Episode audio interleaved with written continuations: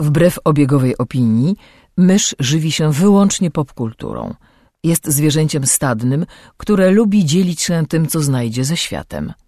Jej naturalnym sposobem komunikacji jest przerywany śmiechem słowotok. Słuchacie podcastu Myszmasz.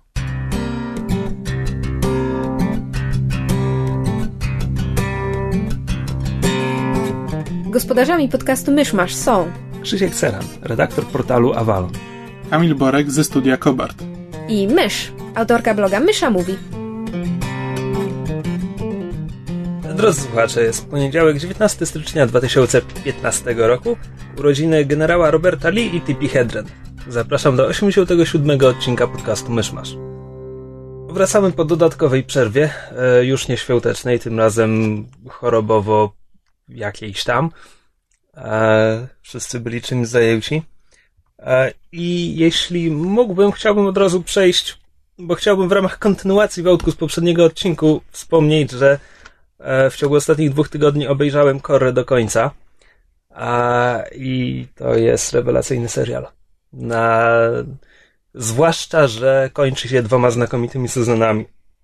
I y, po prostu chciałem powiedzieć parę rzeczy, których nie powiedziałem poprzednim razem. Znaczy, po pierwsze, a, to nie jest standardowa animacja y, dla dzieci, w sensie y, to nie są pojedyncze, zamknięte odcinki. Tutaj każdy odcinek jest częścią większej historii, a na dodatek to są dość krótkie sezony, ponieważ oni chyba nie mieli budżetu, takiego jak przy Awatarze, albo wydali go na dużo, dużo, dużo lepszą animację.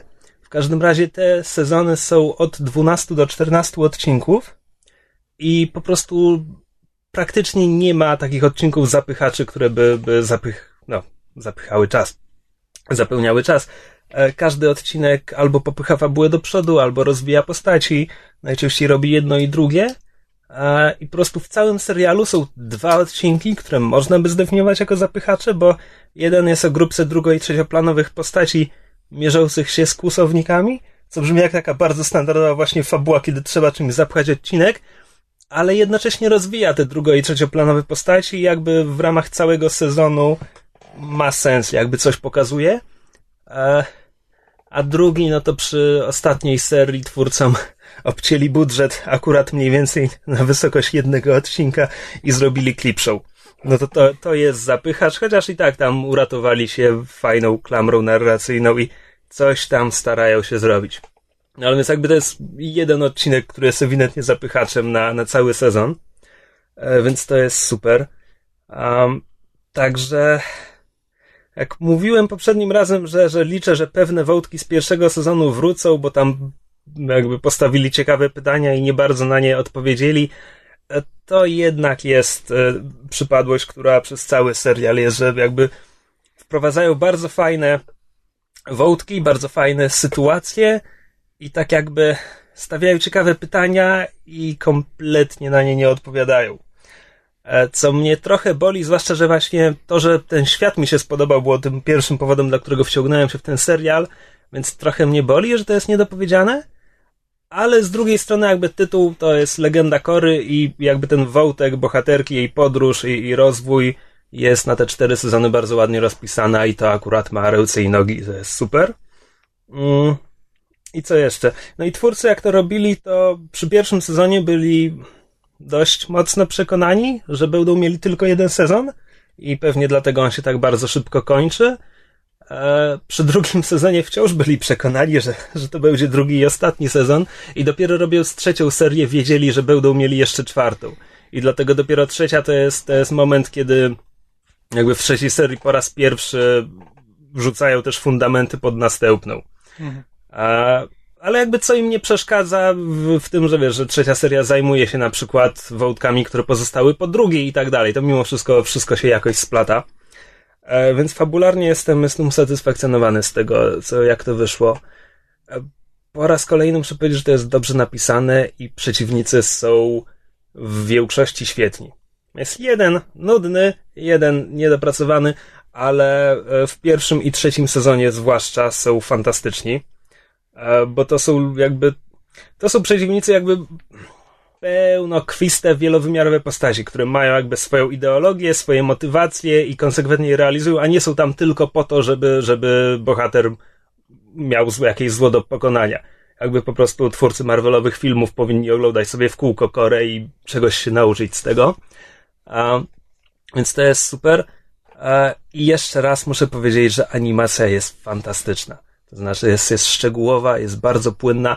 Mimika i reakcje postaci są niewiarygodne. I to jest serial, który jest inspirowany anime, ale jakby te reakcje są zazwyczaj, poza paroma wyjątkami, jakby realistyczne, że są przerysowane, ale nie, nie, nie wykrzywiają proporcji twarzy bohatera, tak? Nie, nie dymi czacha, nie leci im para e, z uszu, poza paroma scenami, głównie w pierwszym sezonie.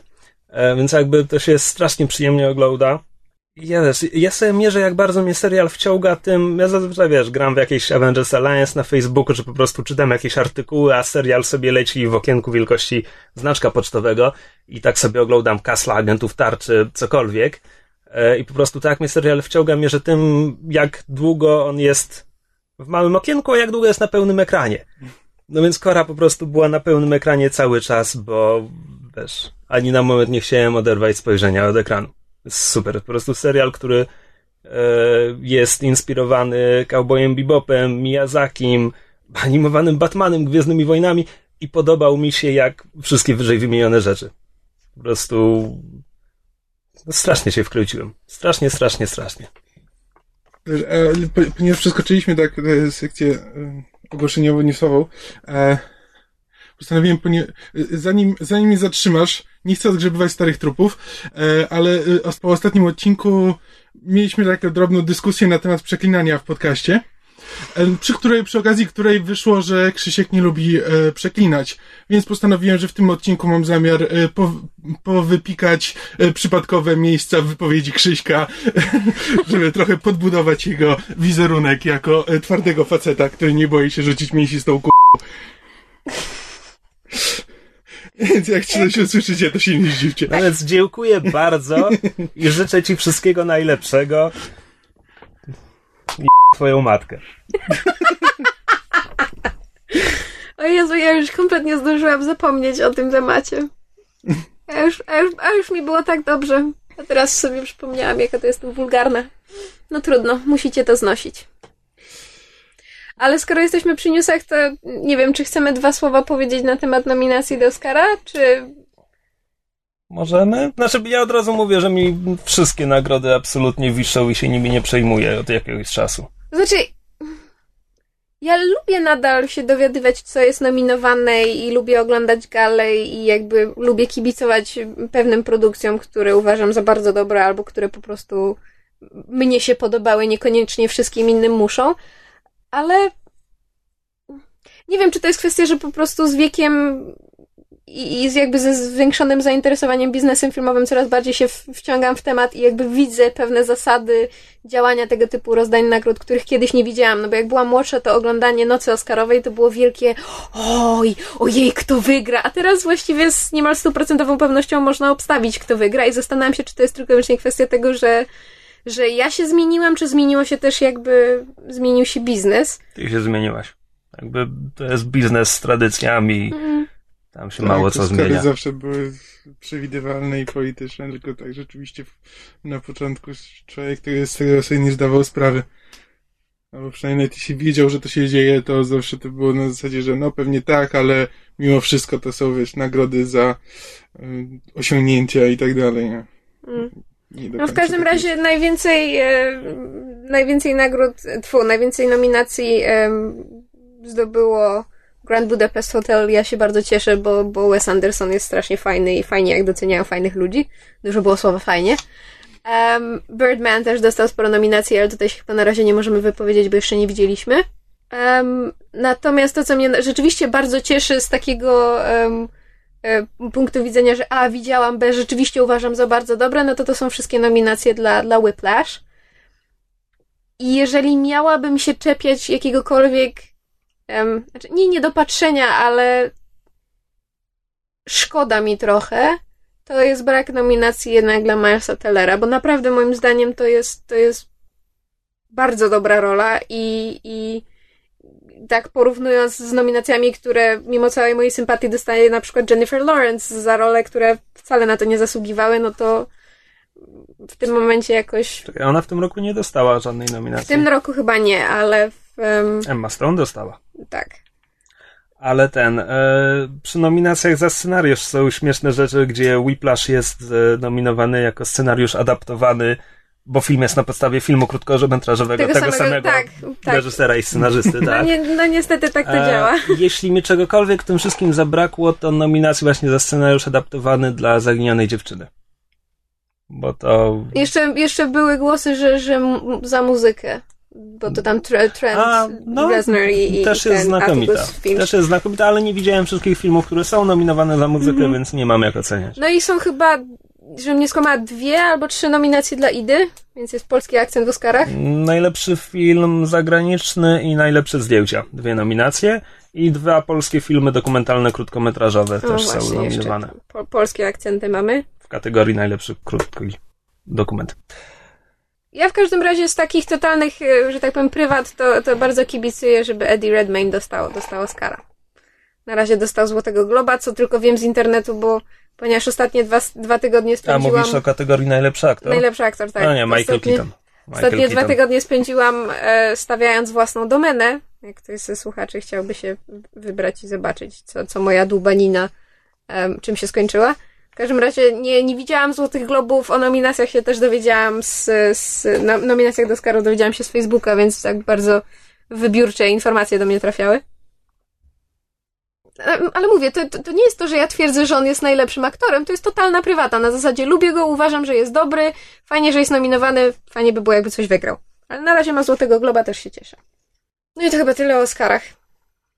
Więcej może będziemy mogli w stanie powiedzieć, jak uda nam się zobaczyć parę nominowanych filmów, które dopiero teraz wchodzą do kin. To chyba tyle z newsów. Nic więcej nie mamy, żadnych ogłoszeń. Telewizyjne Znaczy- uniwersum DC się dalej rozrasta, bo do Arrowa i Flasha dodają No. Atoma prawie na pewno, animowaną Vixen na pewno i być może Supergirl. Pięć seriali w tym momencie. I fajnie, no. Znaczy, w sumie takie, im bardziej się nad tym zastanawiam, to może to i lepiej, że filmowe DC nie tyka się serialowego DC. Niech te dwa uniwersa zostaną rozdzielne, bo Nie, nie, zdecydowanie bardziej wolę to serialowe i bardzo bym nie chciał, żeby zostało zainfekowane przez e, Doom Mchok. and Gloom Mchok. tego, tak, Mohawk. No przecież już zostało. Filmowego. Oglądamy Arrowa, tak? Tak, ale to nadal jest taki mrok. mm, Mohawk. To jest Kiczowaty. Mohawk. No tak, ale taki, który jakoś jeszcze, wiesz, mm, jest komiksowy Mohawk. A nie filmowy Mohawk. Ale skoro jesteśmy przy komiksowych serialach, to może dwa słowa o premierze Agent Carter. Jest w porządku. Trzy słowa. Nie no, jest, jest w porządku. A Hayley Atwell jest bardzo sympatyczna, bardzo fajnie się ją ogląda. Um, podoba mi się to, że film nie gra, znaczy oczywiście gra bardzo tym wątkiem, że jest kobietą w męskim świecie, natomiast nie gra jej kobiecością jako jej główną bronią, jako agentki. Nie, ona okłada tych ludzi po mordach i to jest fajne.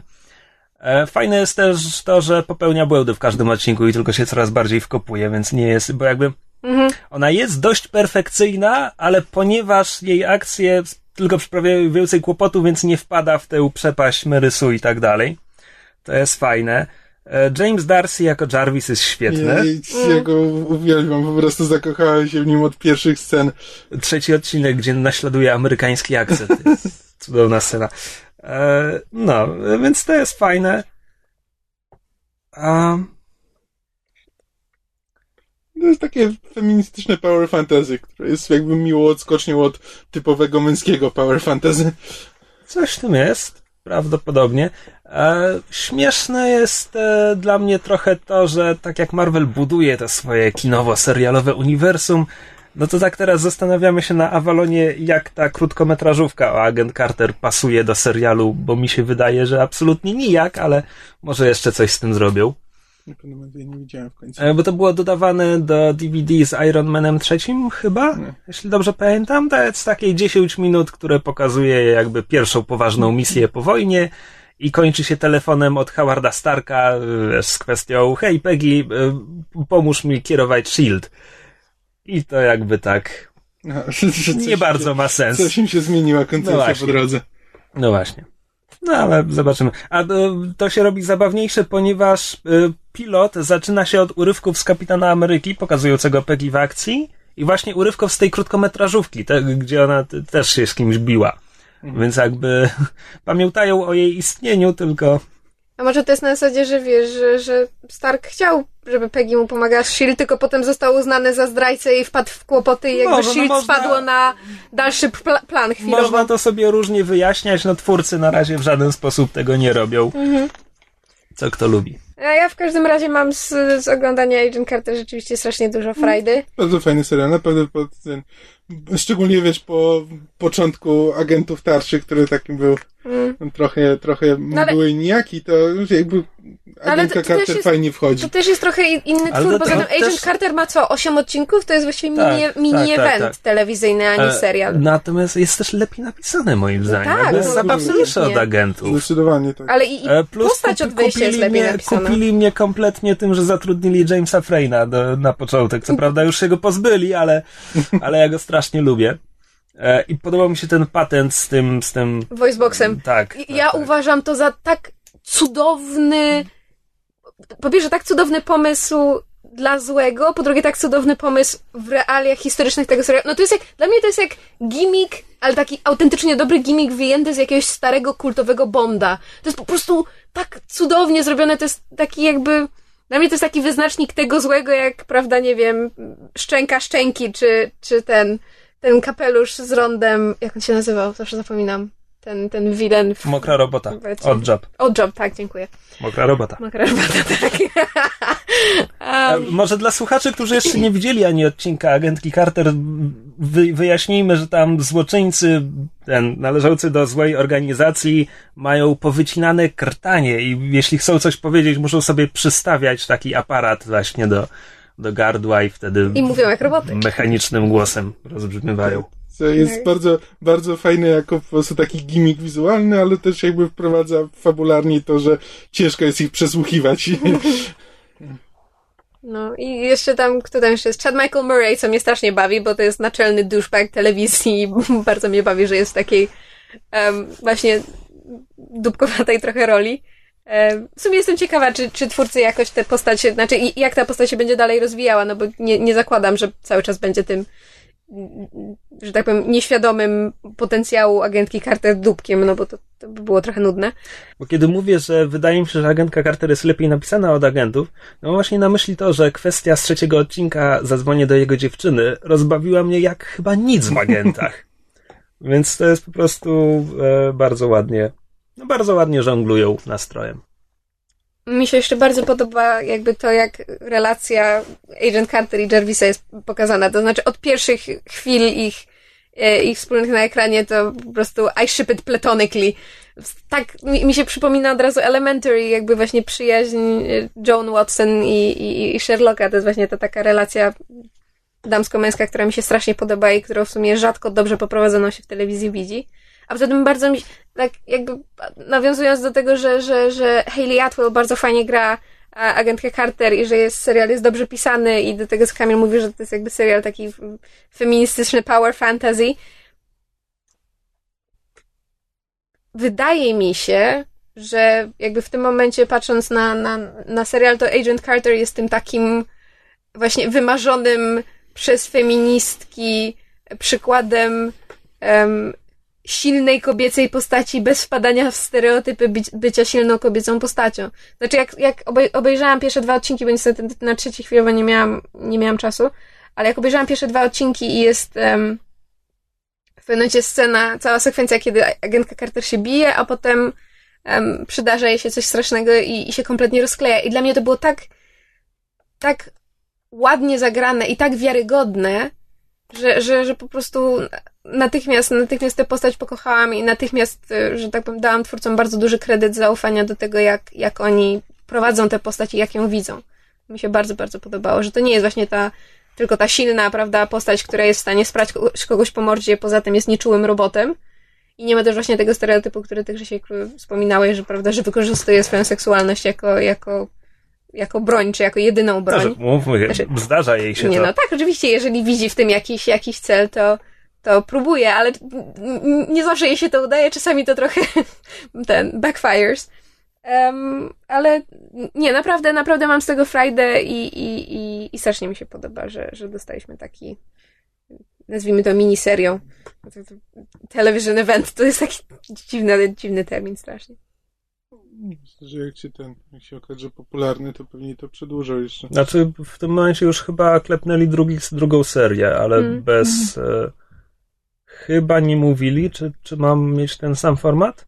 A jeśli mówili, to nie usłyszałem. Przypomniało mi się coś a propos jeszcze ogłoszeń. Um, bo tak Krzysiek mówił o zaklepaniu drugiego sezonu. Um, poszedł news, że w e, trzecim sezonie Hannibala um, pojawi się postać e, Francisa Dolarhyda, czyli Czerwonego Smoka dla, dla fanów prozy Tomasa Harrisa i jeżeli ktoś widział film z Edwardem Nortonem. Ale internet przede wszystkim zwariował, dlatego że dowiedzieliśmy się, kto go będzie grał. I mianowicie będzie go grał Tori Oakenshield, czyli e, Richard Armitage i, i wszystkie fanki Krasnoluda po prostu zrobiły dźwięki, które słyszą nietoperze. Um, Chyba psy. Też. I delfiny.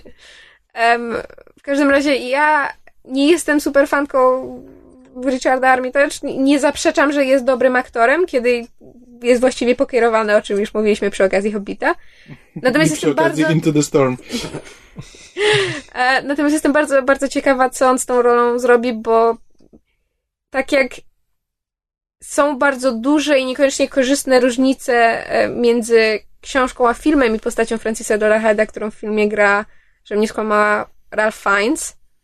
Mhm. Tak, to jest postać, z którą naprawdę dużo można zrobić, a biorąc pod uwagę, co, co jakby Brian Fuller robi e, w Hannibalu z, z postaciami i z, i z pomysłami Tomasa Harrisa, jestem naprawdę bardzo, bardzo ciekawa, jak to zostanie rozegrane. W każdym razie to jest, to jest coś, na co, na co rzeczywiście się cieszę i czego wyglądam. O. A w końcu nadgoniłem, znaczy to już przed, przed Nowym Rokiem, ale nadgoniłem, e, obejrzałem Zaginioną Dziewczynę. A. I jak? Bardzo fajny. Naprawdę ten. Jest, nie jest to jakoś zachwycający film, nie powiem, że był absolutnie e, nie wystrzelił w kosmos, ale. Ja byłem. Bardzo sprawnie, bardzo sprawnie nakręcony, bardzo fajnie zagrany. Czy Ben Affleck dobrze obsadzony jako człowiek nie, trochę bez emocji. Wszyscy są dobrze obsadzeni. Wszyscy nie, wszyscy są dobrze, obsadzeni. obsadzeni, tylko że chodzi mi o to, że Ben Affleck... Tyler prostu... Perry jest dobrze obsadzony. Tak. Po prostu nie wiem, kto robił casting do tego filmu, ale to jest cudotwórca jakiś. Tak. Albo cudotwórczyni. Tak, tak. Ja to właśnie, nawet jeśli aktorzy mają swoje słabości, to jakby te słabości się też odbijają na ich postaci i to bardzo dobrze jest, jest oddane. Rzucanie żelkami w Bena Afflecka. No nie, dla mnie to był rewelacyjny film. Nie, znaczy jest bardzo, bardzo dobry. Naprawdę bardzo dobrze się przy nim bawiłem. E, jest świetnie napisany, świetnie zagrany. E, ale nie wiem, może po prostu za dużo się o nim nasłuchałem. E, Okej, okay, możliwe. Przed i miałem może za duże trochę oczekiwania. I też trochę się spodziewałem pierwszego twistu. No, bo on jest oczywisty, tak? tak? No, on nawet nie ma być zaskakujący, moim zdaniem. Chyba tak. E, ale no tak czy inaczej, na 100% polecam każdemu. E, warto i tak, nie ma co za bardzo się wczytywać tam w fabułę i tak dalej, bo lepiej sobie pozwoli, żeby ten film tak nas poprowadził. E, ale tak, przyłączam się do Krzyśka w polecankach.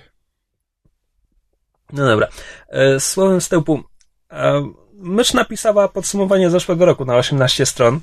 I ja się z niej śmieję, że ja wrzuciłem moje na myszmasz.pl, które zmieściłoby się w SMS-ie. E, ale ja napisałem dwa podsumowania zeszłego roku. I moje drugie podsumowanie nie zmieściłoby się w SMS-ie, bo napisałem je dla Avalonu i ma 10 stron.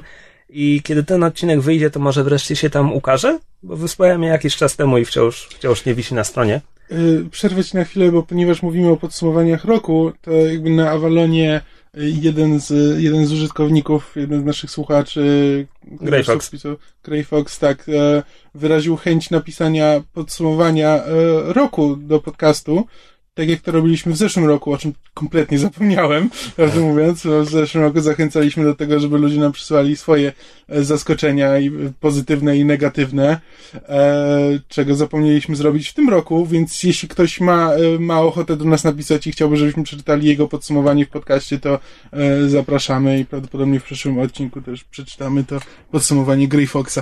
Może dlatego zapomnieliśmy, że sami w sumie w tym roku takie tak, bo Podsumowanie ja roku mieliśmy bardzo, bardzo pobieżne. Ja nic nie pamiętałem, prawdę mówiąc. A w tym roku masz y, czarny kapowniczek i sobie w nim wszystko notujesz. Dostaliśmy to podsumowanie od Grey Foxa, więc może na koniec możemy przeczytać w kąciku mailowym. Kontynuując, moje drugie podsumowanie roku napisane dla Avalonu dotyczyło tylko i wyłącznie komiksów o mutantach, ogólnie nie tylko X-Menach, które Marvel wypuścił w zeszłym roku i było to podsumowanie w 75% negatywne. Jakby Marvel w zeszłym roku ukazało się bardzo niewiele dobrych komiksów o mutantach. Bardzo, bardzo niewiele i w 2013 było podobnie i ogólnie ta linia obecnie leży. Są jakby no jedna, dwie bardzo dobre serie i kilka na poziomie średnio dobrych a reszta jest po prostu chłam, zalew chłamu. Więc, e, żeby się po tym podzielić, postanowiłem, że opowiadam dzisiaj o jednej z moich ulubionych serii. Przeniosłem w tym celu trzy albumy i znowu mm, tytułem wstępu. Chodzi o serię pod tytułem X-Men. Tyle tylko, że co to właściwie znaczy, bo Marvel wydaje tyle serii pod tym tytułem. Więc e, pierwszy komiks, który ukazał się o X-Menach w 63, to była seria The X-Men, która zmieniła tytuł na Uncanny X-Men i to nie jest to. E, to jest seria, która zaczę, zaczęła się ukazywać po prostu jako X-Men na początku lat 90. I to był pierwszy moment, kiedy ukazywały się dwie serie pod tytułem X-Men z jakimś tam, tfu, przymiotnikiem naraz, bo już w latach 80. było tam New Mutants, X Factor, Wolverine miał serię solową czy coś tam, ale dopiero kiedy naraz ukazywało się Uncanny X-Men i X-Men, to był pierwszy moment, kiedy X-Meni mieli dwie serie.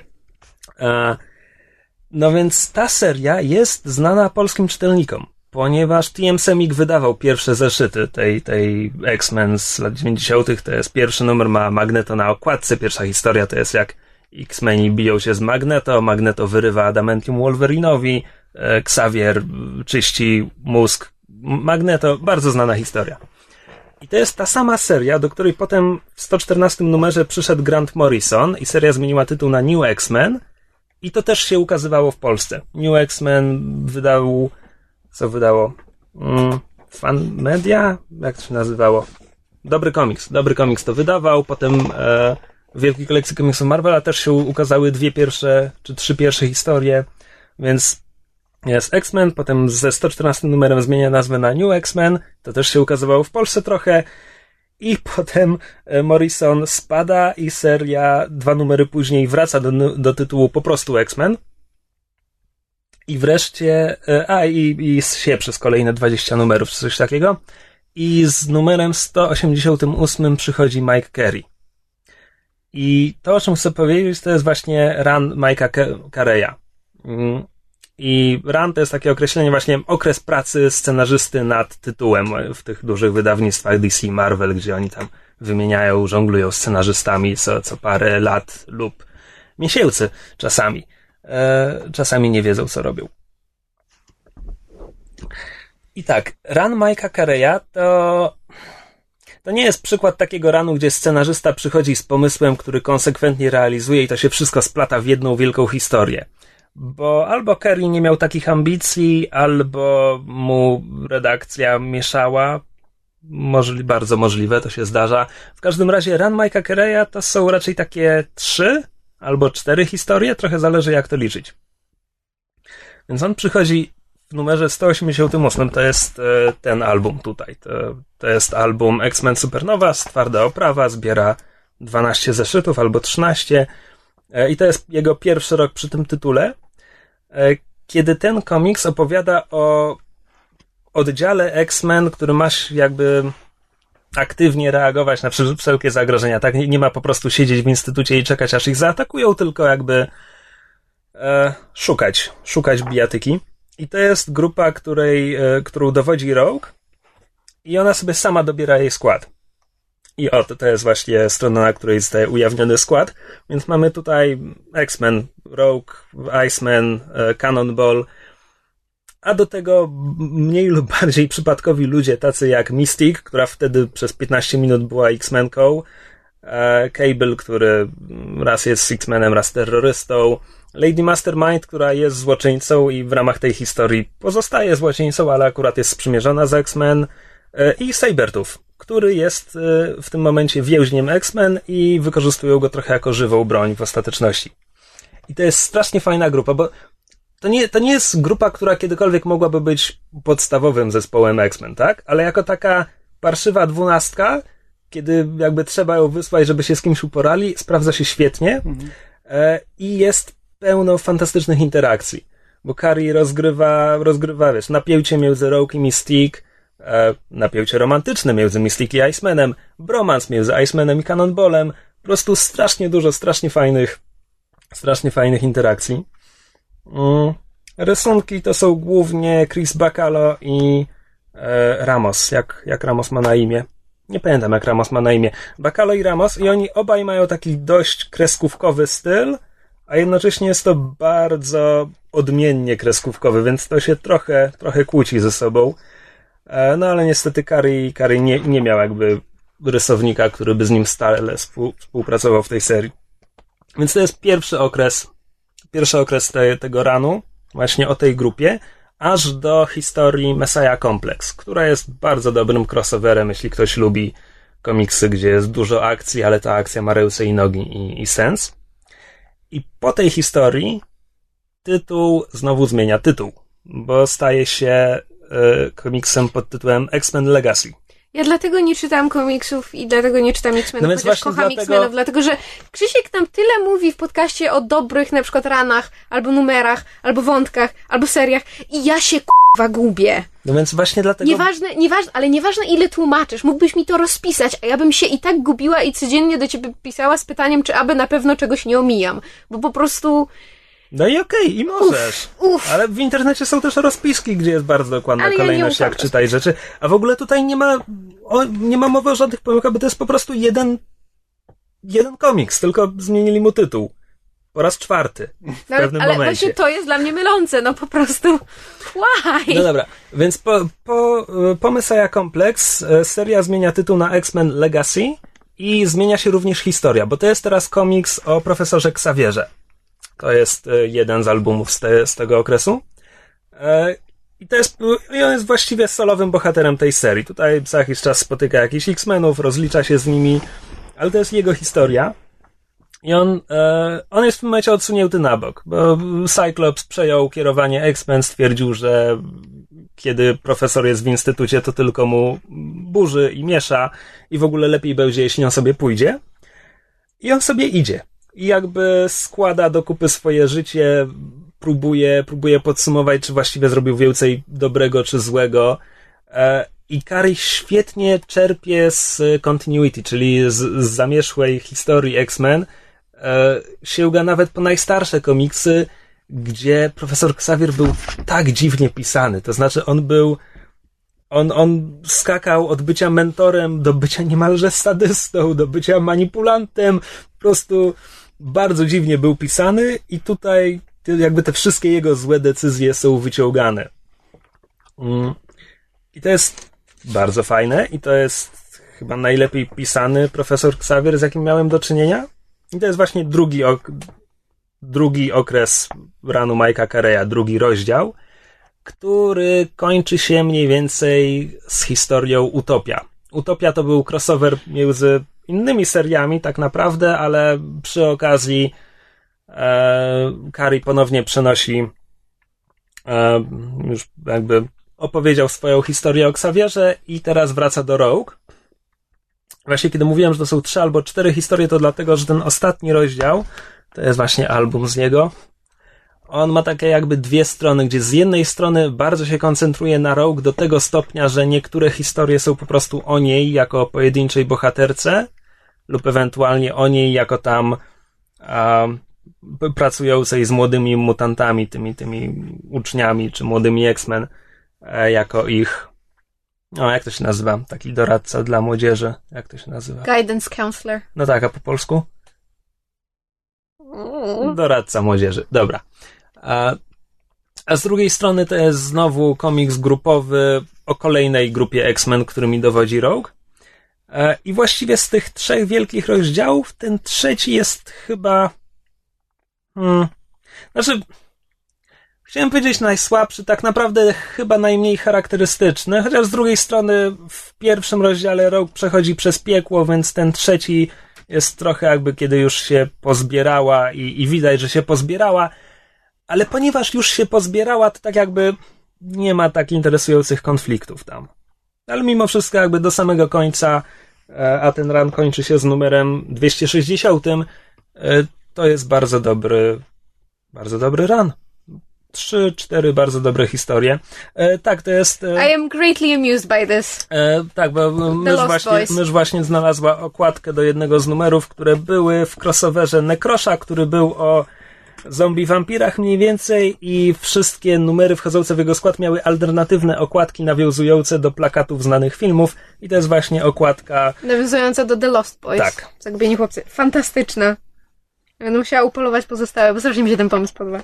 No to gdzieś w sieci znajdziesz na pewno. Super.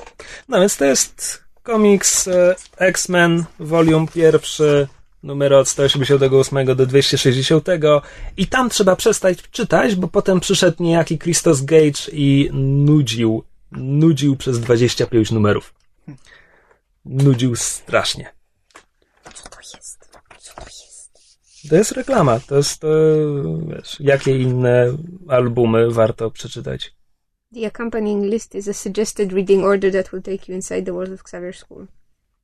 O, widzisz, nawet z sugerowaną kolejnością czytania.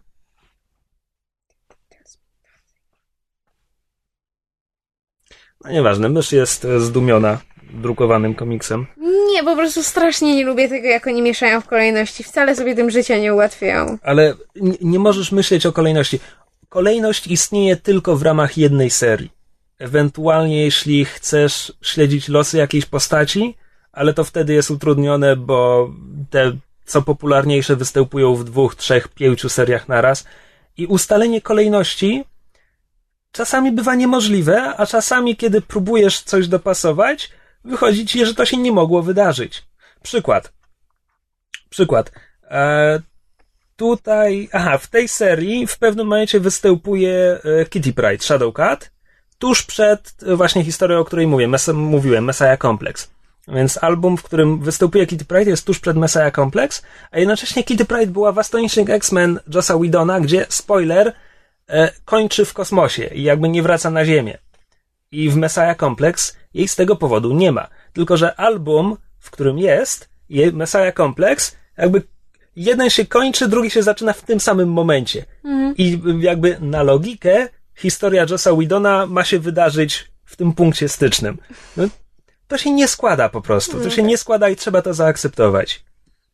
Nie, po prostu mam wrażenie, że jeżeli, jeżeli nie masz, nie, ma, nie masz w pobliżu takiej osoby jak ty, której na przykład można zadać pytanie pod tytułem, jakie Ale... rany warto przeczytać, albo jakie, przepraszam, jakie wątki czy wydarzenia warto przeczytać, bo są dobre i istotne, no to nie masz jak No dobra, ale okej, okay, ale znasz mnie, możesz mnie zapytać, nie, a, ja, ale ja, ja mówię, cię zapewniam, ja że internet jest pełen ludzi takich jak ja. Okej, okay, część z nich jest dupkami, ale większość z nich jakby poświęci kwadrans, żeby ci odpowiedzieć.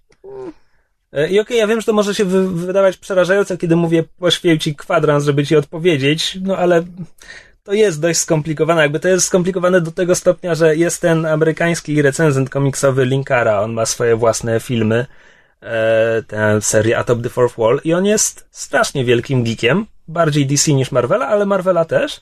I on po prostu wielokrotnie powtarza, że on się na X-Menach nie zna, bo X-Meni są dla niego zbyt skomplikowani właśnie przez mnogość tytułów i tak dalej. I jasne. Natomiast... Nie, tylko... To jakby ja rozumiem, nie że są trzeba osoby, czytać które... wszystkiego. Więcej wprost nie należy, bo jak mówię, 90% tego, co się ukazało w zeszłym roku i, i dwa lata temu, to jest syf. To jest syf, więc po prostu znajdź, znajdź sobie frajera takiego jak ja, który będzie czytał wszystko i on ci potem powie, tego nie tykaj kijem, tego nie tykaj kijem, tego nie tykaj kijem, tego nie tykaj kijem, to jest dobre. No tak, no ale właśnie, widzisz, trzeba, trzeba, trzeba po pierwsze wiedzieć, że ten świat tak funkcjonuje, to znaczy, że komiksy tak wyglądają. Po drugie, znaleźć osobę, która będzie ci w stanie doradzić i nie tylko na zasadzie to jest dobre, ale też w miarę podpasując się pod twoje gusta. To nie jest tak, że... marvelcomics.pl y, klikać linkę forum, tam jest mnóstwo takich ludzi. Ale nie, chodzi mi o to, że na przykład w momencie, kiedy usłyszysz o jakimś, nie wiem, o, o jakiejś fajnej fabule w książce, to znajdujesz pierwszy tom tej książki i jedziesz. Jeżeli ona nie ma jakichś strasznie dużo spin-offów, co akurat obecnie mam wrażenie, że rynek książkowy, zwłaszcza powieści Young Adult Novel, coraz bardziej zaczyna przypominać komiksy pod tym względem, bo masz, wiesz, spin-offy konkretnych postaci, spin-offy prequele, prequele, sequeli, spin-offów, rebootów, no po prostu przesadzają. To jeżeli, jeżeli nie wiesz jak zacząć, to znaczy inaczej, ja kocham X-Menów i ja za każdym razem, jak ty opowiadasz o jakichś wydarzeniach, nieważne czy dobrych, czy złych, coś we mnie po prostu wibruje z chęci przeczytania, a potem przypominam sobie, jak funkcjonuje rynek komiksów i się odbijam od ściany. I No, strasznie ale- mnie to denerwuje. Okej, ale jeśli ci powiem na przykład X, mi- ty- X23 ty mi- miała rewelacyjną Ty mi serię nie mów, ty mi wręczaj. tyl, tylko o sobie.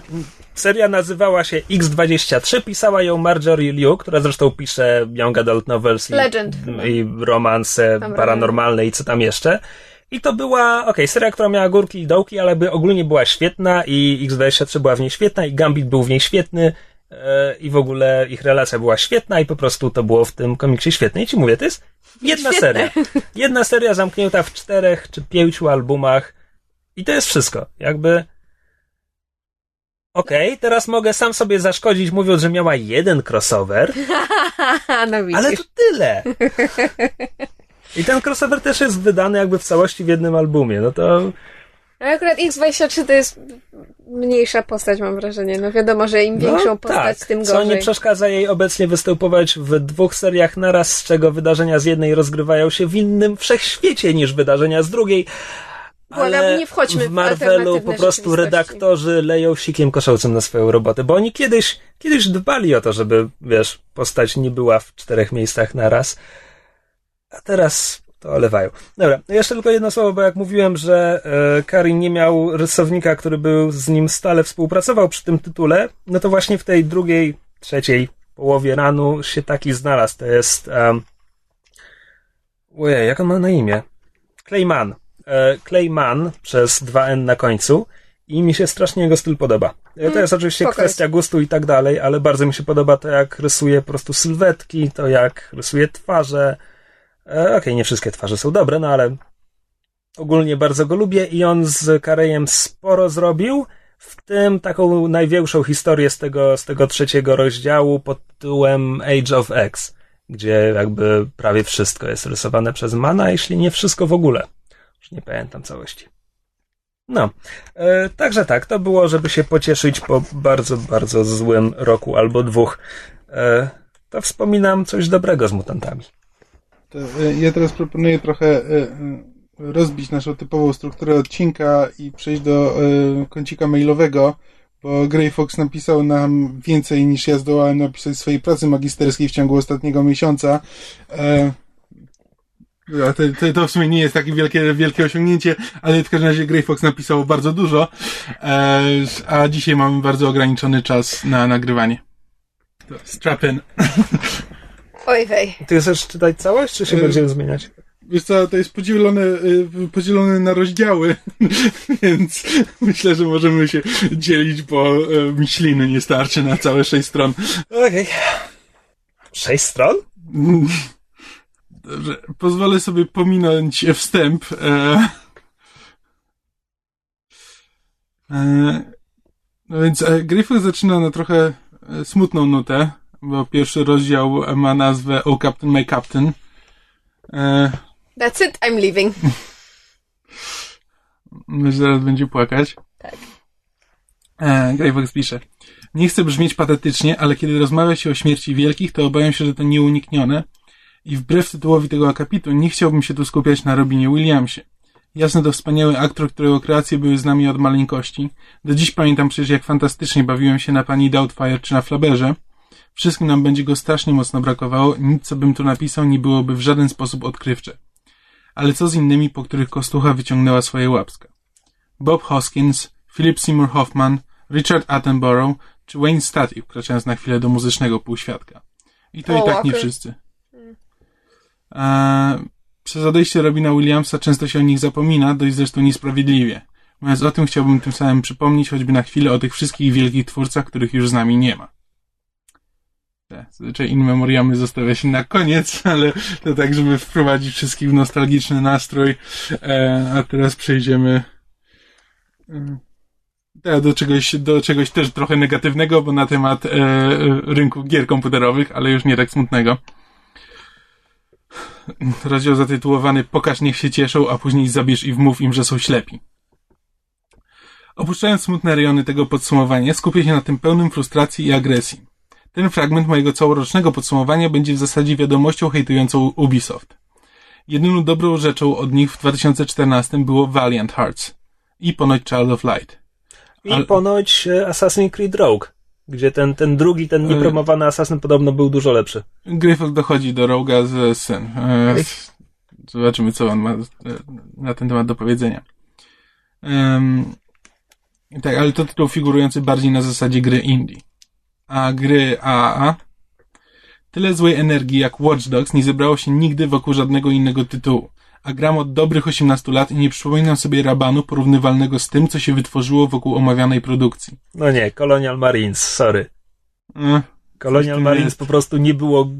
Znaczy, Watch Dogs też nie było grą, którą promowano. No, nieważne. E, Co on pisze, bo przepraszam, jak będę ci przerywał, to A ja nigdy stąd nic nie nie wiem, o wyjdziemy. co chodzi z Watch Dogs. Znaczy, pamiętam, tytuł mi się przewijał długo przez Face'a. Wiesz co, jak, jak Watch i narzekania na, Assassin's, na Assassin's Creed i w ogóle na Ubisoft. Watch, Do- Watch Dogs to jest gra w otwartym świecie dziejąca się w Seattle, gdzie grasz hakerem z magicznym telefonem, który może hakować wszystko. E, I I ja może przeczytam to, co e, Grey Fox ma na Okej. do powiedzenia i najwyżej dopowiemy, jeśli coś, e, czegoś brakuje. Um, może to zasługa tego, że w dzisiejszych czasach z byle pierdoły potrafi wyniknąć prawdziwy shitstorm, a internet to narzędzie o niemożliwym do ogarnięcia zasięgu, niemniej fakt pozostaje niezbity. Słynny już build gry zaprezentowany na E3 w 2012 roku sprawił, że wielu graczy musiało zmienić spodnie. Niemożliwe, jakie to piękne, najlepsze co w życiu widziałem. Preordery pozamawiane, miliony sztuk zarezerwowanych, kaza spłynęła do Ubisoftu z siłą rozpędzonego Pendolino. Później nastąpiło przesunięcie premiery o pół roku, a następnie pokazano nowy zwiastun z gameplayem. I wtedy naprawdę się zaczęło. Jeśli jesteście poza tematem, to niniejszym przypominam. Nowy zwiastun wyglądał jak wydmuszka poprzedniego. No i tu rzeczywiście, pamiętam ten pierwszy trailer e, Watch Dogsów i to rzeczywiście robiło duże wrażenie, bo obiecywało ogromną swobodę. E, na, co prawda nie grałem w grę, ale z tego co słyszałem, to jest kompletna bzdura. Nie byłoby w tym może nic złego, a przynajmniej nie aż tak bardzo złego, gdyby Ubisoft wziął sprawę na klatę i powiedział uczciwie graczom, że nie byli w stanie zapewnić takiego wyglądu gry przy zachowaniu płynności animacji albo cokolwiek. Ale oni twierdzili nawet, że ten zwiastun wygląda lepiej niż to, co pokazali w roku 2012 i nie wiedzą o co ta cała afera.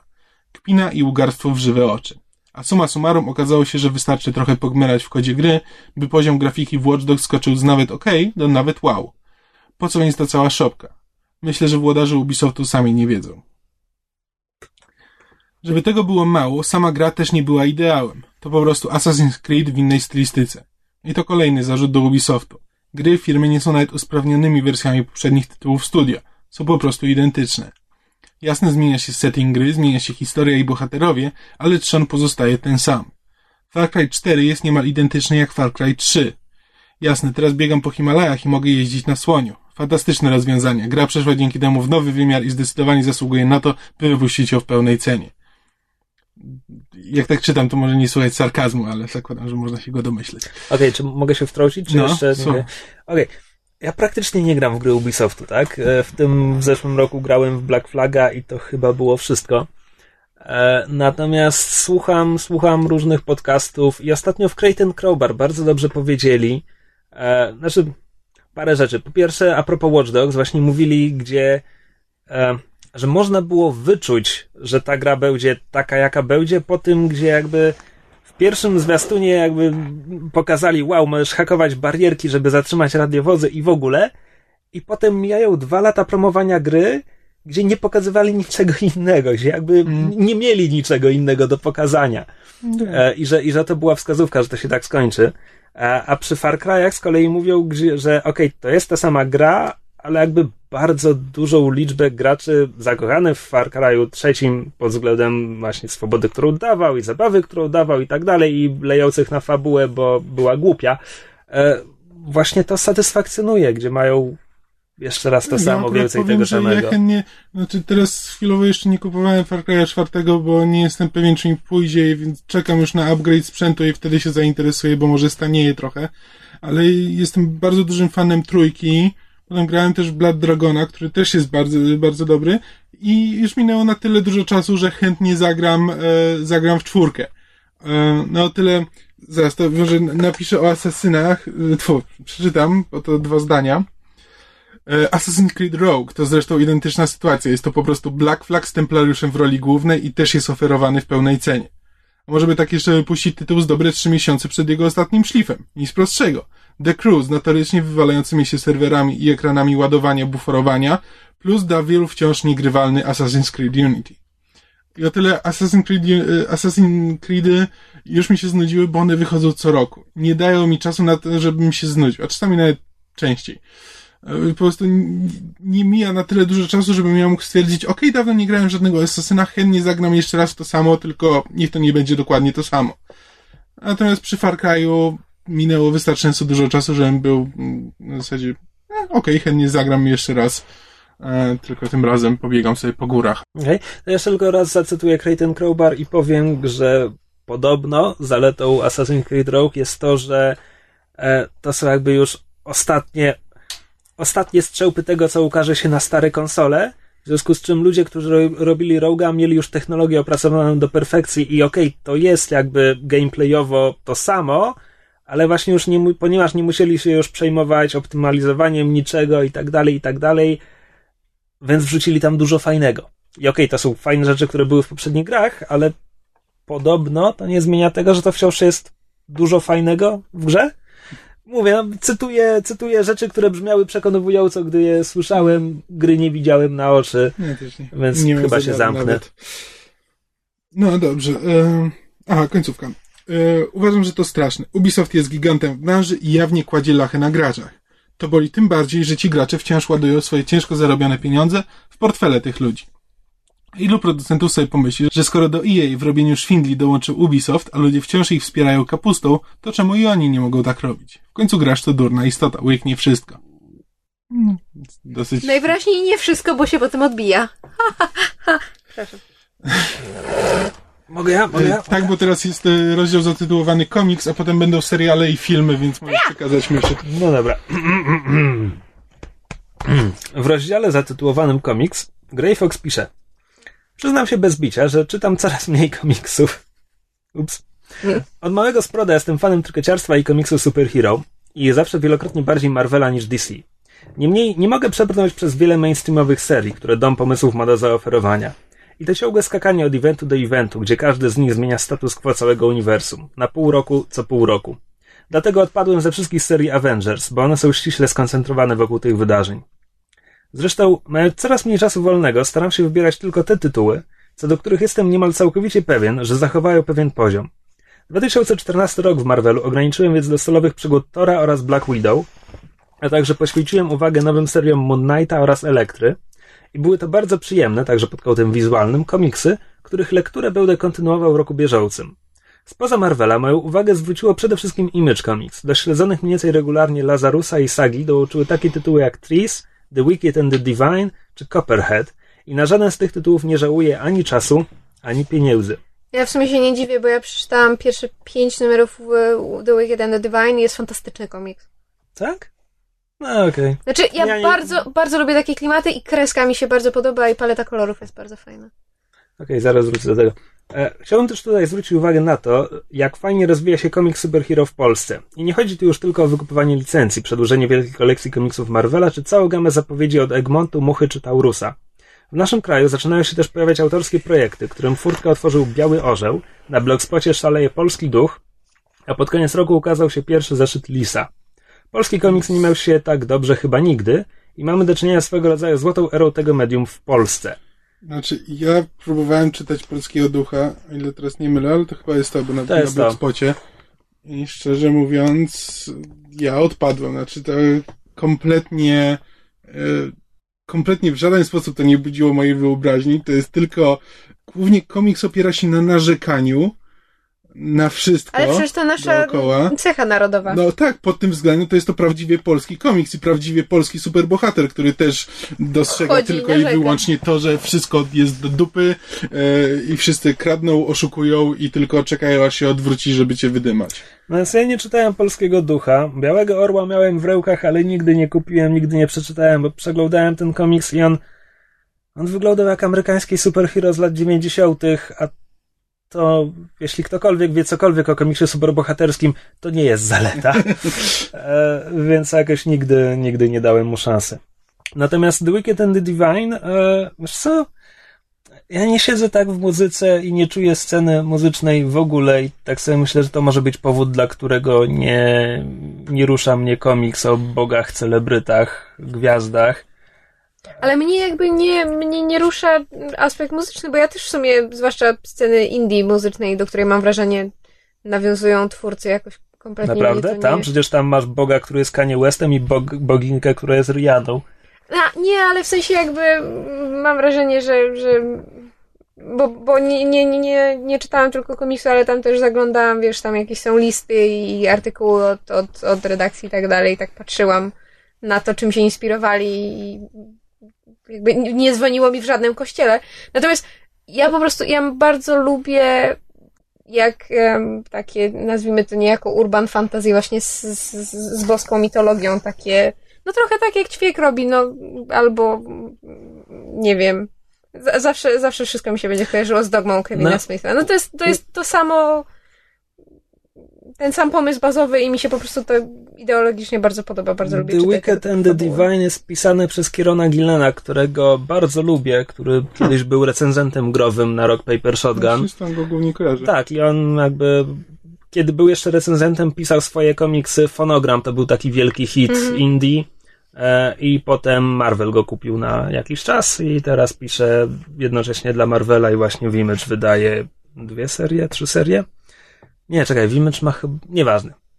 A rysuje to Jamie McKelvey, który jest jego stałym współpracownikiem, z którym właśnie zrobił fonogram. I ja kiedyś uwielbiałem McKelviego, a potem nagle zobaczyłem, jakie te wszystkie postacie mają znudzone, martwe spojrzenia. I to, to mi nie daje spokoju od tego czasu.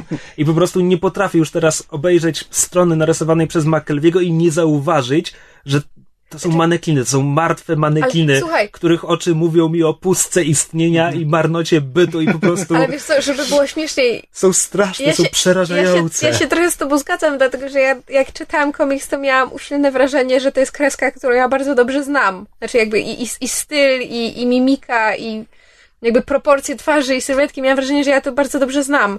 Z kolorowanek, którym się bawiłam w podstawówce, w szkolnej świetlicy, kolorowanek lalki Barbie. Bo to jest po prostu, mam wrażenie, że to jest taka bardzo specyficzna kreska i bardzo specyficzny styl, ale biorąc pod uwagę to, co zawsze mówię, że dla mnie bardzo istotne jest to, żeby komiks był.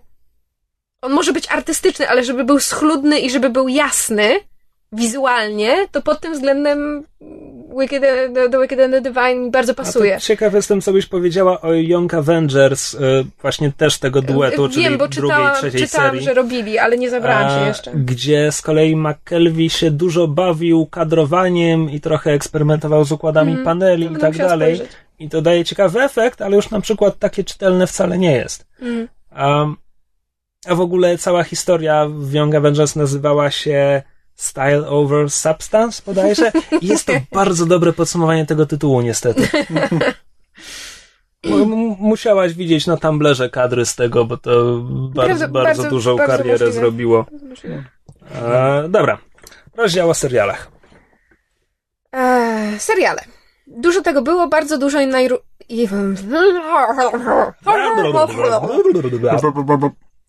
Dużo tego było, bardzo dużo i na różnym poziomie.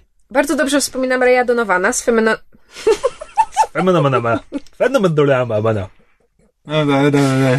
Bardzo dobrze wspominam Donowana z fenomenalną kreacją Schreibera, a także The Blacklist, który praktycznie w całości spoczywa na barkach Jamesa Spadera, bo gdyby nie on, to nie wiem, czy chciałoby mi się to oglądać i w ogóle komukolwiek. Troszeczkę się z tym zgadzam, a z drugiej strony Blacklist ma po prostu, moim zdaniem, bardzo dobry scenariusz i... Znaczy, No, ale mimo Spader... wszystko oglądał głównie dla postaci. Prawdopodobnie, gdyby nie, gdyby mnie postaci nie, nie, nie złapały, to dla No, samej tak. fabuły by mi się Znaczy, nie chciało tego Ja się oglądać. zgadzam, że jakby postać Reda jest świetna, natomiast nie uważam, że Spader jest jedynym istniejącym Nie. aktorem, który mógłby się w to wcielić. A, no tak, tak, ale nie, po prostu, no, gdyby, gdyby nie udało im się zachować tych no, postaci, to jest interakcji między nimi, Koniunkcja, koniunkcja to cała reszta mnie nie interesuje. Wszystko, wszystko działa. Być może, że ktoś inny mógłby go zastąpić, ale mimo wszystko bez porządnego aktora w tej roli Mhm. Nie, nie dałoby się. E, Na osobny akapit zasługują seriale okołohistoryczne, bardziej z uwagi na setting, aniżeli wydarzenia przedstawione. The Vikings po średnio udanym pierwszym sezonie wskoczyło do ekstraligi serialowej ze swoją drugą odsłoną i trzymam kciuki za startujący niebawem trzeci sezon. Black Sails skończyło swoją historię na wysokim C i zostawiło mnie w pełnym napięciu oczekiwaniu na kontynuację. Miałem okazję też zapoznać się z drugim serialem o piratach, a mianowicie Crossbones, gdzie główną rolę odgrywał John Malkovich. Niby Johna Malkovicha nigdy za wiele, ale Crossbones wypada co najmniej blado w porównaniu ze swoim konkurentem ze stacji Stars. Wszyscy chyba tak mówili o tym. Tak, no, no Crossbones y, w ogóle chyba nie poleciały wszystkie odcinki do końca, mimo to TVP2 wykupiła y, serial, No, bo to jest tak. e, chwalona nowość. Będą Mhm. mieli kolejny pretekst, żeby mówić, że Polacy nie oglądają amerykańskich seriali. Oczywiście. A z kolei o The Vikings ja słyszę tak dużo dobrego, że to jest serial, który systematycznie wspina się coraz wyżej na mojej liście seriali do obejrzenia. Obejrzałem pilota chyba pół roku temu i od tego czasu nie mogę się zabrać, żeby obejrzeć drugi odcinek. Ale pilot był O, jak mi Grey Fox dobrze zrobił, przepraszam. A skoro już jesteśmy przy Stars, to się przyznam, że w 2014 roku w końcu nadrobiłem Spartakusa, za co chciałbym gorąco podziękować myszy, bo gdyby tak mocno tego nie chwaliła, to pewnie bym nigdy do tego nie przysiadł. Najlepszy serial ever. Dzięki Grey Fox teraz mi zrobiłeś dobrze. In more ways than one. nie, no, autentycznie strasznie się cieszę, bo, bo jednak Spartacus to jest dla mnie ten serial, który ja wymieniam jednym tchem jako jeden Mysz z jest, najlepszych. Mysz jest świadkiem Spartakusa. Jakby nie była tak leniwa, to by chodziła od drzwi do drzwi i niosła słowo Spartakusa. Would you like to talk some, some more about our savior, Spartacus? E, e, komiksowe opowiastki to to, co tygryski lubią najbardziej, a końcówka 2014 roku dała nam wiele powodów do radości. Świetny Arrow, mimo rozmiałanej i niemiłosiernie rozwleczonej końcówki drugiego sezonu. Bardzo dobre The Walking Dead. Nie pamiętam poprzedniego sezonu za bardzo, ale ten jak dodam wyrywa mnie z butów. Fantastyczny Flash i fenomenal... Mam problem z tym słowem. Fenomenalny. I fenomenalny jak dotąd drugi sezon Agents of S.H.I.E.L.D. Przecież to brzmi jak oksymoron. Osobiście bardzo przypadł mi też do gustu Konstantin, choć na jego temat opinie są bardzo mocno podzielone, a nie znam komiksowego pierwowzoru, by się czepiać czy wchodzić w dyskusję. Tylko Gotham mi nie podeszło, bo jest po prostu miejscami żenująco durne i wnerwia mnie to nachalne czerpanie ze świata z Batmanem i usilne wpieprzanie tego do świata bez Batmana. To tylko chciałem wspomnieć, że Gotham było uroczo idiotyczne przez pierwszych 5-6 odcinków, ale teraz jest tak strasznie głupie. Jest tak niewiarygodnie Ja głupie, nie że ja, oglądam, prawdę mówiąc. Właśnie ja jestem bliski Ja czekam- porzucenia. Tak, ja, no, ja stwierdziłem, że już nie, nie mam ochoty tego oglądać, chyba że mi ktoś powie, że na przykład e, coś się zmieniło i ruszyło w dobrą stronę, ale prawdę mówiąc, to było fajne przez właśnie przez parę pierwszych odcinków, ale nie widzę powodu, by to oglądać. Przepraszam, ale właśnie przewinęłam maila Grey Foxa i pierwszy PS brzmi tak, oczywiście zezwalam na zredagowanie mojego referatu na potrzeby podcastu. Mm. O serialach tyle, to czytam o filmach. E, No i tu leży pies pogrzebany. Muszę szczerze przyznać, że nie ogląda, oglądnąłem zbyt wielu filmów w ubiegłym roku. Wiele wciąż czeka, aż w końcu będzie mi się chciało do nich przysiąść. Ale filmy na podstawie komiksów widziałem chyba wszystkie, więc chciałbym w tym miejscu zrobić swoiste zestawienie. Krótkie, bo na ten temat powiedziano już wszystko. Obrodziło w tym roku mocno i ku cieszy mojej i wszystkich fanów poziom wypuszczonych filmów był naprawdę wysoki. Oczywiście nie licząc Transformers i Teenage Mutant Ninja Turtles. I choć na temat Guardians of the Galaxy opinie w internetach wciąż są mocno podzielone. Really? Ja spotykam same dobre. E- Znaczy, wiesz, są też te, te Malkontenci. Wiesz co, ja ostatnio widziałem na Walonie, gdzieżby, e, dużą dyskusję o Guardiansach i jakby kluczowym argumentem strony anty był, że tak jak Avengers to jest film bez scenariusza I trochę muszę się z tym zgodzić? Znaczy, ja się z tym zgadzam, ale potem przeczytałam w internecie moją, jedną z moich ulubionych filmowych teorii fanów ever, mianowicie, że Guardians of the Galaxy jest sesją RPG rozgrywaną przez Team Avengers i wtedy wszystko ma sens, bo jest bez sensu. Jest po prostu sesja RPG bez fabuły, gdzie mistrz gry próbował pokierować swoje postacie, a ponieważ The Avengers to jest zbieranina ludzi, którzy kompletnie nie słuchają się rozkazu, w związku z tym... Wiesz, że to dla mnie w ogóle nie ratuje filmu, tylko go pogrąża. Ja wiem, ale jestem miłośniczką fanfiku, więc dla mnie to działa. E, wracając do e, Grey Foxa. Um, opinie o Guardians of the Galaxy wciąż są mocno podzielone, tak Captain America The Winter Soldier spotkał się z bardzo ciepłym przyjęciem. Mnie osobiście film zaskoczył konwencją, którą obrał, a także echem, jakim odbił się w kreowanym uniwersum. I normalnie wybrałbym go jako swój komiksowy film roku, ale jest jeden tytuł, którego sukcesu absolutnie się nie spodziewałem i jest to The Amazing Spider-Man 2. Najlepszy film na podstawie komiksów w tym roku. Ciepły, poruszający, hmm. zaskakujący, głównie dla ludzi nieznających komiksowego pierwowzoru, fantastycznie zagrany, świetny wizualnie i z kapitalną muzyką.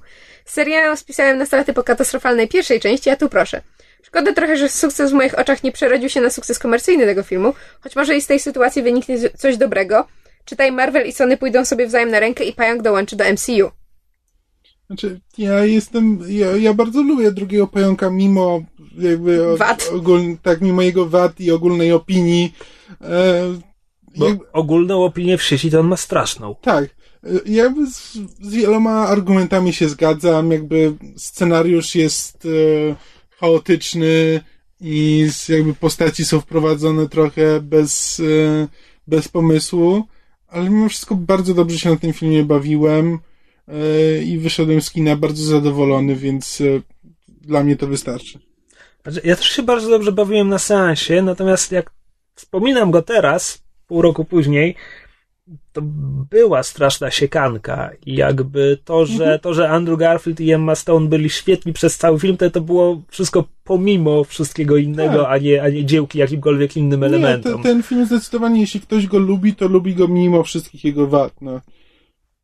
I ostatnie, e, warta wspomnienia jest również nowa inkarnacja Godzilli, w którą chyba nikt nie wierzył, a wyszło z tego naprawdę porządne kino katastroficzne. Zdecydowanie byłem zadowolony po seansie i cieszą mnie wieści o pracach nad kontynuacją. Ja się z tym zgadzam, się. ja jestem też, e, że tak powiem, świadkiem Godzilli i, i, i ostatnio właśnie kupiłam na DVD i jestem bardzo szczęśliwa, bo będę mogła znowu obejrzeć. To jest rozdział jeszcze o grach znowu. U, ja mogę, ja mogę. rozdział gry. Jak był zatytułowany poprzedni rozdział o grach? Bardzo skomplikowanie. A, dobra, już pamiętam. Gry. Moje roczne podsumowanie może i poległo na filmach, ale na grach znowu sięgnie gwiazd. Ograłem w poprzednim roku sporo tytułów, nie będę opisywał ich wszystkich, skupię się natomiast na kilku produkcjach, które szczególnie zapadły mi w pamięć. Kolejność losowa. Gdybym miał wybrać jedną i tylko jedną grę, do której miałbym wrócić w kolejnych latach, to mój wybór byłby oczywisty. The Banner Saga. Fantastyczna gra strategiczna z elementami RPG i survivalu, stworzona przez byłych pracowników BioWare. Autentycznie poruszająca opowieść o wikingach podróżujących po mitycznej krainie, w której bogowie zginęli, a słońce stanęło w miejscu. Piękna muzyka i oprawa wizualna, ciekawie rozwiązany, minimalistyczny gameplay i dużo wyborów, które mają realny wpływ na rozgrywkę. W planach już jest kontynuacja, czekam niecierpliwie. Ty, w koń... Ty grałeś w Banner Saga, prawda? Grałem, nie skończyłem.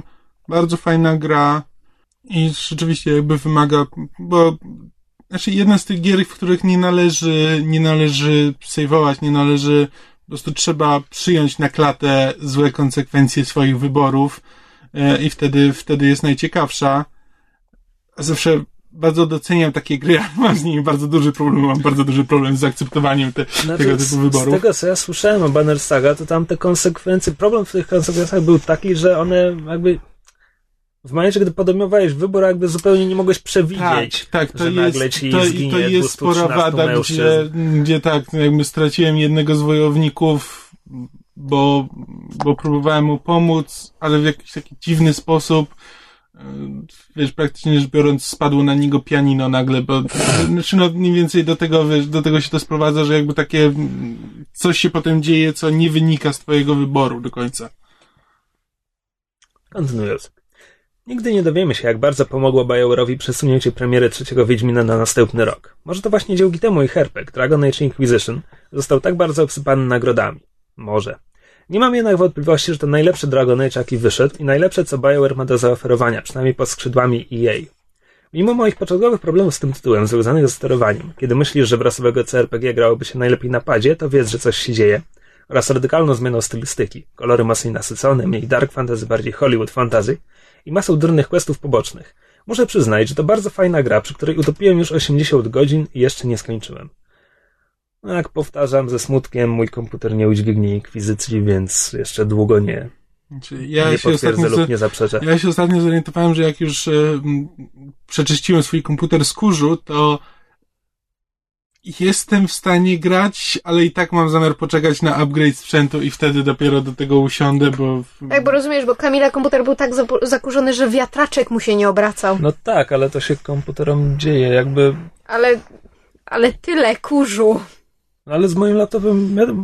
Mój laptop Ale też tak... tyle kurzu. Ale ja go No okej, czyszczę okej. regularnie, po prostu się akurat z, wcięło, Tyle kurzu. kurzu. Sama jesteś tyle kurzu. This War of Mine poruszyło bardzo ciekawą tematykę. Niszę praktycznie nie eksploatowano przez te wszystkie lata w przemyśle growym. Wyszła z tego gra dobra i choć brakuje mi w niej trochę rzeczy, to nie sposób odmówić twórcom ambicji w podejściu do trudnego tematu i fajnego warsztatu. This War of Mine na pewno zapisze się złotymi zgłoskami w historii tak polskiego develop... devel... develop... develop... D- d- d- That's all, folks. This War of Mine na pewno zapisze się złotymi... No, Jeszcze dalej, raz. dalej, czas nam się kończy. This War of Mine na pewno zapisze się złotymi zgłoskami w historii tak polskiego developingu, jak i w światowej historii przemysłu gier wideo. Ty się chyba z tym zgadasz? Znaczy, jest to na pewno jeden z najciekawszych eksperymentów e, w grach i, no i coś, co, coś, czego zazwyczaj się w grach nie spotyka i mogło powstać tylko w ruchu indie. Bardzo się cieszę, że odniosło też duży sukces przy okazji. Podobnie jak absolutnie wszystkie inne gry, o których pisze Grey Fox, nie grałem. Po spektakularnej wtopie Aliens Colonial Marines ludzkość straciła wiarę w markę obcego. Całkiem niesłusznie zresztą, bo Alien Isolation to kawał solidnego, przemyślanego horroru ze świetnym klimatem ósmego pasażera na stromo. Z wielką przyjemnością, ze znakiem zapytania, spędziłem te kilka godzin na stacji Sewastopol, uciekając przed ksenomorfem i chowając się przed nim po szafkach. Polecam każdemu fanowi marki. Mam wrażenie, że Wiedźma na orbicie właśnie pisała bardzo pochlebnie o... Wszyscy o pisali bardzo pochlebnie o izolacji. Tak. Nie wiem jak wy, ale ja lubię czasem pobiegać i coś pomordować. A jak mogę, po... Nie no, absolutnie. A jak mogę pomordować coś z użyciem miecza, to tym lepiej. Middle Earth Shadow of Mordor dał mi tę niewymowną przyjemność. To wciąż jest w jakimś stopniu klon Assassin's Creed, Kolejna gra, która czeka na upgrade. ale jest od niego wielokrotnie lepszy. No i mówiąc o tej grze, nie sposób nie wspomnieć o systemie Nemesis, całej strukturze orczej armii, która reaguje na nasze poczynania. Czytając zapowiedzi nie wierzyłem, że uda im się to zrobić, ale to naprawdę działa i daje ogromną frajdę. Niestety, w wiele tytułów nie dane nam było zagrać. 2014 rok zapisze się bowiem w historii jako rok przesunięć dat premiery, często dość dużych, jak półroczne opóźnienie Wiedźmina, czy skandalicznych, jak opóźnienie premiery Batmana jakiś miesiąc po podaniu daty premiery. No, optymizm, optymizm ten zawiódł, e, nie zawiódł, e, zdradził deweloperów, to się zdarza. E, Mysz, chcesz przeczytać rozdział o muzyce? Mówisz to tylko dlatego, że jest on zajebiście krótki. Dwa zdania? Nie, ale chcę przeczytać potem ten następny rozdział. O muzyce. Ja wiem, że wy nie lubicie. No nie jest tak, że my nie lubimy muzyki. Po prostu bardzo lubię. Po prostu nie Ja u- bardzo lubię muzykę i U, u, uznajemy, że się nie znamy na tyle, żeby móc się swobodnie wypowiadać. Oprócz tego, że y, fajne, podoba mi się, można posłuchać. dokładnie. Um, w każdym razie Grey Fox pis, pisze, ale chcąc być w porządku z samym sobą, muszę krótko wspomnieć o tym, że Slipknot po sześciu latach wypuścił nowy krążek o nazwie kropka 5 The Grey Chapter. Nie wiem. Kawał świetnej płyty i bardzo uda- udany powrót zespołu do regularnego pisania. No, kiedyś Dlaczego mi się- słuchałem. Dlaczego mi się ten dings pojawia? Nie wiem, coś musiałeś kliknąć. Nieważne. Um, nadzieje i obawy związane z Nowym Rokiem. Okej, to przelecę szybko. That's what she said. Please love me. Na koniec roku zawsze sobie myślę, co będzie fajnego w kolejnym. Największe nadzieje wiążę naturalnie z The Avengers Age of Ultron, ale moim czarnym koniem jest Suicide Squad. Obawiam się natomiast o Superman V i Batman. Bardzo chciałbym, żeby ten film się udał, ale moim zdaniem całe to uniwersum DC jest robione na chybcika, bez żadnego konkretnego pomysłu, poza tym, że Marvel ma to oni też chcą. Tu myślę, że nie mamy żadnych e, ansów. Jeśli chodzi zaś o seriale, to nie mogę się wręcz doczekać debiutu Netflixa w komiksowych adaptacjach, czyli Marvel's Daredevil, którego premiera już 10 kwietnia i mój Boże, jak bardzo chcę, żeby to się udało. Chyba zgadzam wszyscy. się, tak. Chyba wszyscy się zgadzają. Liczę także, że Arrow nie powtórzy błędów z drugiego sezonu i dostaniemy fajną, dobrze oglądającą się opowieść. W chwili, gdy piszę te słowa, już wiem, że Marvel's Agent Carter e, będzie świetnym serialem. Chciałbym tylko, żeby zachował swój poziom przez cały sezon. Gry to zawsze był mój ulubiony zakątek popkultury. Oczywiście z wypiekamy na twarzy czekam na trzeciego Wiedźmina. To ciągle... y, Oczywiście z wypiekami na twarzy czekam na trzeciego Wiedźmina. To ciągłe przesuwanie premiery doprowadza mnie do szału, bo w końcu nie wiem kiedy w robocie mam sobie zarezerwować wolny tydzień. Bardzo mi się podoba takie podejście. Jako fan serii Arkham e, czekam na robionego przez Rocksteady Batman Arkham Knight. Materiały promocyjne wyglądają niesamowicie. Jestem niesamowicie sfrustrowany ponad półrocznym opóźnieniem premiery. Skandal normalnie. Coś pomąkuje się, że The Banner Saga 2 ma ukazać się w 2015. Jeśli to prawda, to chcę wiedzieć dokładnie kiedy i już się pakuje w wehikuł czasu. W lutym ukazuje się The Sunless Sea, mroczna opowieść w Lovecraftowym stylu z proceduralnie gener generowaną fabułą. To je, ro, rozgrywa się w tym samym świecie, co gra przeglądarkowa Fallen London. Mhm. To jest pisane przez tych samych ludzi, a Fallen London było super, tak jak gry przeglądarkowe są pod względem gameplayu okrutnie nudne, to to i tak było bardzo przyjemne ze względu na to, jak to było napisane. Także Sunless to jest coś, na co i ja czekam. Na pewno chętnie zagram, boję się tylko, że nie wyjdzie do, do tego łatka polonizująca, bo lekko archaiczny angielski to nie jest moja najmocniejsza strona. Uczciwie przyznaję, że jarałem się Tom Clancy's The Division, kopciłem się jak dywan. Po ostatnich aferach związanych z Ubisoftem już nie potrafię, a chciałbym. Nie wiadomo jak to będzie wyglądało, jak będzie się grało, ile z pierwotnych zapowiedzi zostanie zrealizowanych. Na pewno będę śledził poczyniania Ubisoftu w tej sprawie w nadziei, że wyciągną wnioski z roku 2014 i dostaniemy dopracowany produkt. No i Evolve. Pisząc te słowa mam za sobą kilka meczy w zamkniętej becie, jestem troszkę rozczarowany. Gra jest za szybka, nie ma planowania, nie ma atmosfery polowania, a gra potworem jest nieporównywalnie trudniejsza niż gra łowcami. Wciąż biję się z myślami, czy dać pieniążka i kupić grę, czy nie dać pieniążka i gry nie kupić. E, można sobie przeczytać na rok 2014, ale uważam, że mimo wszystko obrodziło nam całkiem dobrze. Tytułów było sporo, było, były zróżnicowane i w większości zachowywały poziom. Powyższe zestawienie rzeczy na 2015 rok, oczywiście niekompletne, bo na pewno o czymś zapomniałem, ale w ogóle, albo w ogóle nie miałem pojęcia na jakiś temat, udowadnia tylko, że dopiero co rozpoczęty rok może być pod tym kątem jeszcze, jeszcze lepszy i mam nadzieję, że taki będzie i przebrniemy przez niego razem z mys- myszmaszem. Tego sobie i wam życzę. Trzymajcie się, Grey Fox. Mi przegoniłaś to ostatnie zdanie. No Przepraszam. bo tak mówisz, spieszcie się, spieszcie. No czas właśnie, nam się kończy, czas się kończy. Wina. Galavant chce jeszcze zdążyć dwa słowa No powiedzieć. to skoro jeszcze mówimy o, o, o fajnych rzeczach w tym nowym roku, to e, jest to serial, po którym autentycznie chyba.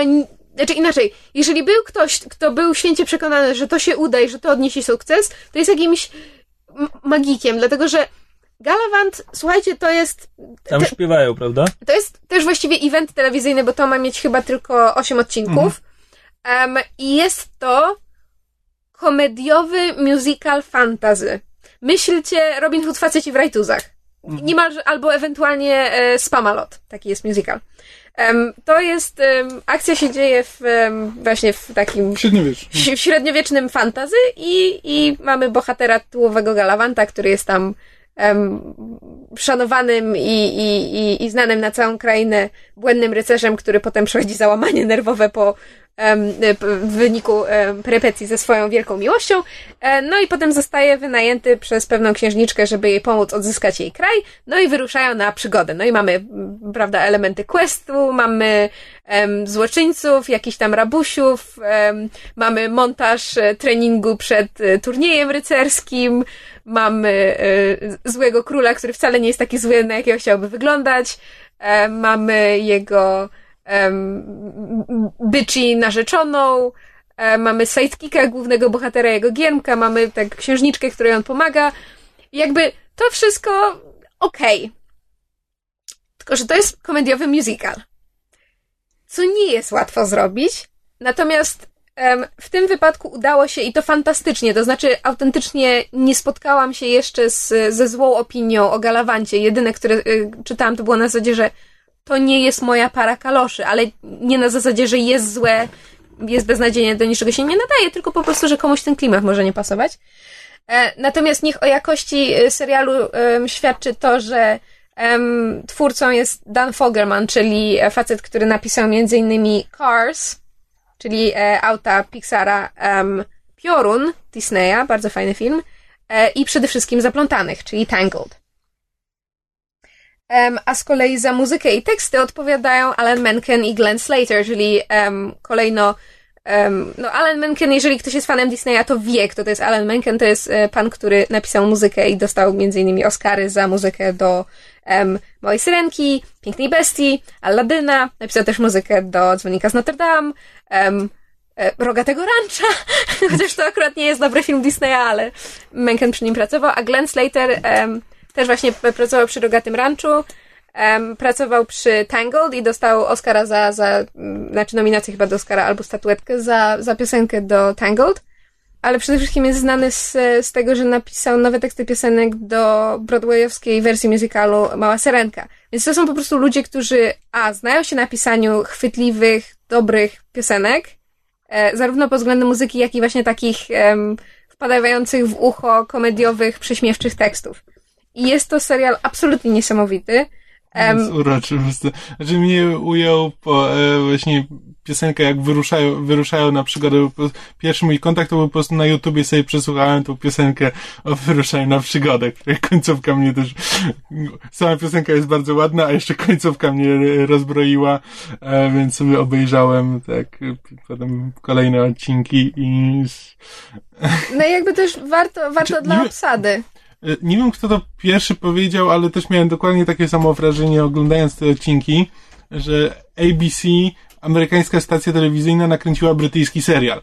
Bo, e, bo, bo to nie jest serial, który mógłby powstać w amerykańskiej telewizji. Mógłby w latach 90., kiedy ludzie nie mieli pojęcia, co jest, wiesz, co to jest quality TV. Ja się nie zgadzam z tym, że to jest serial brytyjski, ale znaczy jakby rozumiem.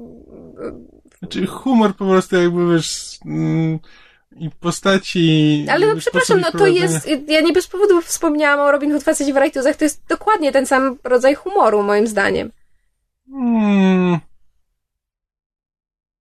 Znaczy, znaczy tak, znaczy, w pewnym ja, sensie znaczy, ja się, tak, Inaczej, ale... ja się nie zgadzam z tym, że to jest typowo brytyjski humor. Um, natomiast um, jest tam sporo brytyjskich i, i nie tylko aktorów i właśnie też mam wrażenie, dlatego warto oglądać, bo tam w, w, z takich znajomych twarzy to jest między innymi ten um, Timothy Owenson z Psych, czy Vinnie Jones w cudownej roli po, pomagiera i tam e, strażnika złego króla. Vinnie Jones zaraz się w role pojawi. Widzisz. Um, ale przede wszystkim jest bardzo dużo strasznie fajnych gestarów i między innymi John Stamos się pojawia i Hugh Bonneville z Downton Abbey i Weird Al Yankovic się teraz zaraz pojawi Um, i, I Rutger Hauer ma się pojawić, więc ja strasznie liczę na jakieś nawiązanie do Lady Hawk, do Zaklętej w Sokoła. W ogóle też strasznie dużo jest w serialu, pomijam, że jakby żartów, ale też popkulturowych nawiązań i, i, i, i bardzo dużo jest e, skojarzeń z, znaczy ja mam bardzo dużo skojarzeń z Obłędnym Rycerzem, z Heathem Ledgerem, bo to tak jakby też właśnie mm. ten taki klimat trochę go tak, troszeczkę tak. fantastycznego średniowiecza. Tak, to jest... I, ale na przykład są też takie strasznie subtelne rzeczy, jak w jednym z ostatnich odcinków um, jest piosenka um, Trefnisia, tak to się... Błazna, przepraszam. Um, pod tytułem... E, ojej, nie pamiętam w tym momencie, jaki był tytuł tej piosenki. Comedy Gold, taki A. był tytuł. Um, I i dla mnie to było tak cudowne, subtelne nawiązanie do, do piosenki Make Em Laugh z, z teściowej mm, piosenki. Tak. Po prostu, znaczy, jeżeli, jeżeli nie znasz teściowej piosenki, no to nie skojarzysz, ale to było właśnie, i to mi się strasznie w serialu podoba, że on, on, że on jest świadomy y, i, i tego, jak bardzo jest niedorzeczny, ale jest też świadomy właśnie popkultury i, no słuchajcie, dajcie, dajcie Galawantowi szansę, bo naprawdę można mieć strasznie dużo frajdy z oglądania. Mnie też urzekła piosenka Maybe You're Not The Worst Thing Ever. Tak. Ten, nagrana na, na modłę właśnie typowo disneyowskiej ballady miłosnej między tak. dwójką, e, ten, dwójką głównych bohaterów. No, jest, jest naprawdę sporo sporo um, fajnych piosenek i, i, i, rzeczywiście wpadają, wpadają w ucho. Człowiek tak. potem się łapie na tym, że chodzi i nuci. Nie, to jest wiesz, to jest tam 40 minut tygodniowo, w sumie 8 odcinków. tak, te... bo, bo są wypuszczane dwa odcinki tygodniowo po 20 tak, minut. Y, I naprawdę się kończy to oglądać z wielkim bananem na pysku. Tak, więc, więc z nowości to, to definitywnie polecamy Galavanta. I na tym kończymy w tym tygodniu. Tak jest. E, bo już czas nam ucieka. Wygonią nas pochodniami ze studnia. Tak. Studnia? Ze studni? Ze studni? Wiesz, Kamil może nałożyć jakieś filtry, żebyśmy brzmieli jak we studni, ale... Albo możemy po prostu nagrywać u nas w domu. No, więc to tyle od nas. Um, I do usłyszenia w przyszłym tygodniu. Miejmy na nadzieję, że tym razem bez już żadnych przerw zdrowotnych czy innych. Bye! Pa, pa. Słuchaliście podcastu Myszmasz. Możecie nas znaleźć na myszmasz.pl lub polubić nasz fanpage na Facebooku. Możecie nam także wysłać maila na myszmaszpodcast.gmail.com Jeśli do nas napiszecie, będziemy szczęśliwi jak makolongwa we fraku.